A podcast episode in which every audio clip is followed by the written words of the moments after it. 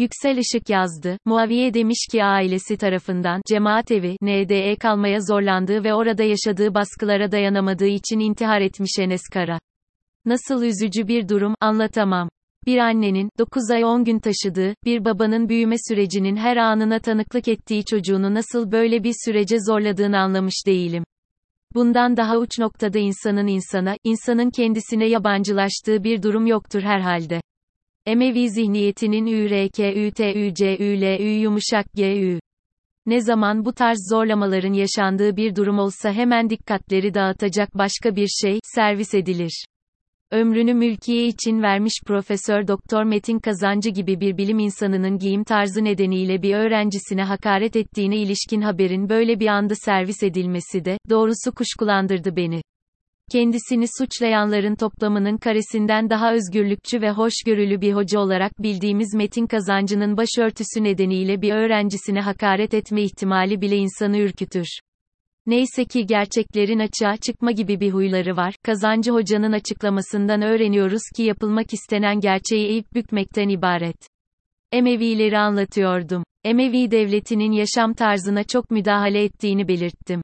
Derste yaklaşık 8 ila 9 civarı türbanlı öğrenci vardı. Bir öğrenci söz olarak, türbana da müdahale ediliyor muydu, diye sordu. Ben de her şeye müdahale edildiğini belirterek, ben senin bunu neden taktığını yargılayamam. Ancak merak ediyorum dini nedenden mi, güzellik nedeniyle mi takıyorsun, dedim. Olay bundan ibaretti. Açıklamalar gösteriyor ki olup bitenin servis edilen ile uzaktan yakından ilişkisi yok ama işin içinde bir bit yeniği olduğu da görülüyor. Nedir o? Metin Hoca'nın ders konusu Emevilermiş. Biz Emevilik ile Müsemma Muaviye'ye yakından bakarsak, o bit yeniğine ulaşabiliriz. Muaviye'nin yönettiği algı. Çağına göre algı yönetimi becerisi yüksek biridir Muaviye. Babası, uzun süre İslam'a direnmiş, sonunda da krallığını yürüttüğü Mekke'yi H.Z. Muhammed'e teslim etmiş ama gücünü hep korumasını bilmiş Ebu Süfyan'dır. İslam tarihine, Sifin olarak geçen savaşta yenilmek üzere olduğunu sezince askerlerinin mızraklarına Kur'an-ı Kerim'in sayfalarını geçirecek kadar pragmatist biri olarak tanınır. Muaviye'nin algı yönetimi konusundaki pragmatikliğine verdiğim bu örnek, Şam valiliği sırasında başvurduğu yöntemlerin yanında masum kalır. Rivayet odur ki Şam valisi Muaviye ile H.Z. Ali arasında halifelik tartışmasının çıktığı sıralarda, küfeli bir tüccar, Şam'a gelmiş. Elindeki malı bitirip, devesini bağladığı yerden çözmek üzere olduğu sırada, Muaviye'nin adamlarından biri, ne yapıyorsun? Benim dişi devemi mi çalıyorsun, diyerek önünü kesmiş. Küfeli tüccar, şaşkın, ne münasebet diye itiraz etmiş, bu deve benim. Hem zaten sen devenin dişi olduğunu söyledin, bu benimki erkek. Demek öyle, demiş Şamlı, müstehzi bir yüz ifadesinin eşliğinde, o halde Vali Muaviye'ye gidelim, dişi devenin kimin olduğunu o karar versin. Gitmişler, küfeli tedirgin, Şamlı kendinden eminmiş.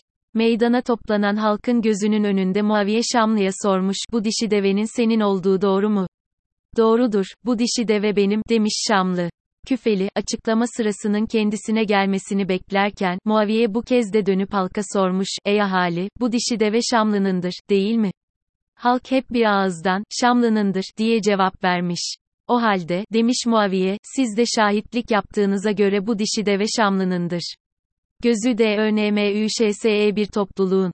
Küfeli şaşkın ve çaresizmiş. Ne yapacağını bilemez halde gitmeye hazırlanırken, Muaviye'nin kendisine seslendiğini duymuş. Gitmiş. Muaviye demiş ki, bu devenin senin olduğunu biliyorum. Üstelik dişi olmadığını da biliyorum. Görmeni istedim ki dişi deveyi erkek deveden ayırt edemeyen ve ne dersem tekrar eden on bin gözü dönmüş adamım olduğunu görüp şahitlik edesin. Sana deveni geri veririm ama bir şartım var. Nedir, diye merakla sormuş küfeli. Şunu demiş Muaviye, küfeye döndüğün vakit, burada başına gelenleri Ali'ye anlat. Anlat ki ayağını denk alsın, halifelik iddiasından vazgeçsin. Metin hocamızın şahsında bizlerin başına gelen de bu. Ürettikleri gerçek dışı algılarla Metin hocayı linç etmek istiyorlar. Yani Metin hocanın, merak ediyorum, niçin takıyorsun, cümlesi değil mesele, asıl mesele, baskı altında oldukları için intihara sürüklenen çocukların kaldığı, cemaat evleri, ortamını unutturmaktır. Düşünceyi t a r t i ş a m a y a c a k s a k Meselenin, BAM teli, ise uzun süredir inanç alanının ideolojik bir aygıt gibi kullanılıyor olmasıdır.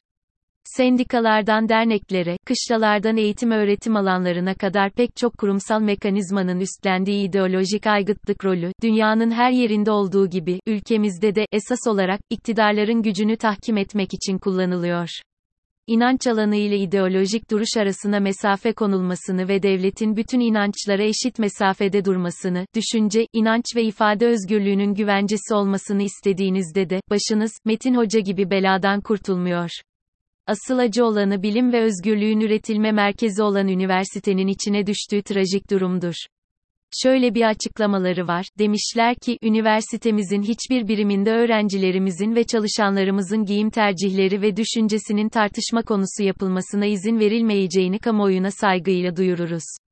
Giyim tercihini tartışan yok, Metin Hoca da tartışmaz ama üniversite düşüncelerin tartışıldığı yerdir. Bir üniversite, düşüncenin tartışma konusu yapılmasını tabulaştıramaz, tabulaştırırsa üniversite olmaktan çıkar.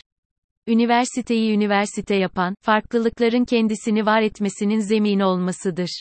Nerede kaldı? Düşüncelerinize katılmıyorum ama düşüncelerinizi ifade etmenizi sonuna kadar savunuyorum. Geleneği. Orası, Tapu Kadastro Müdürlüğü mü?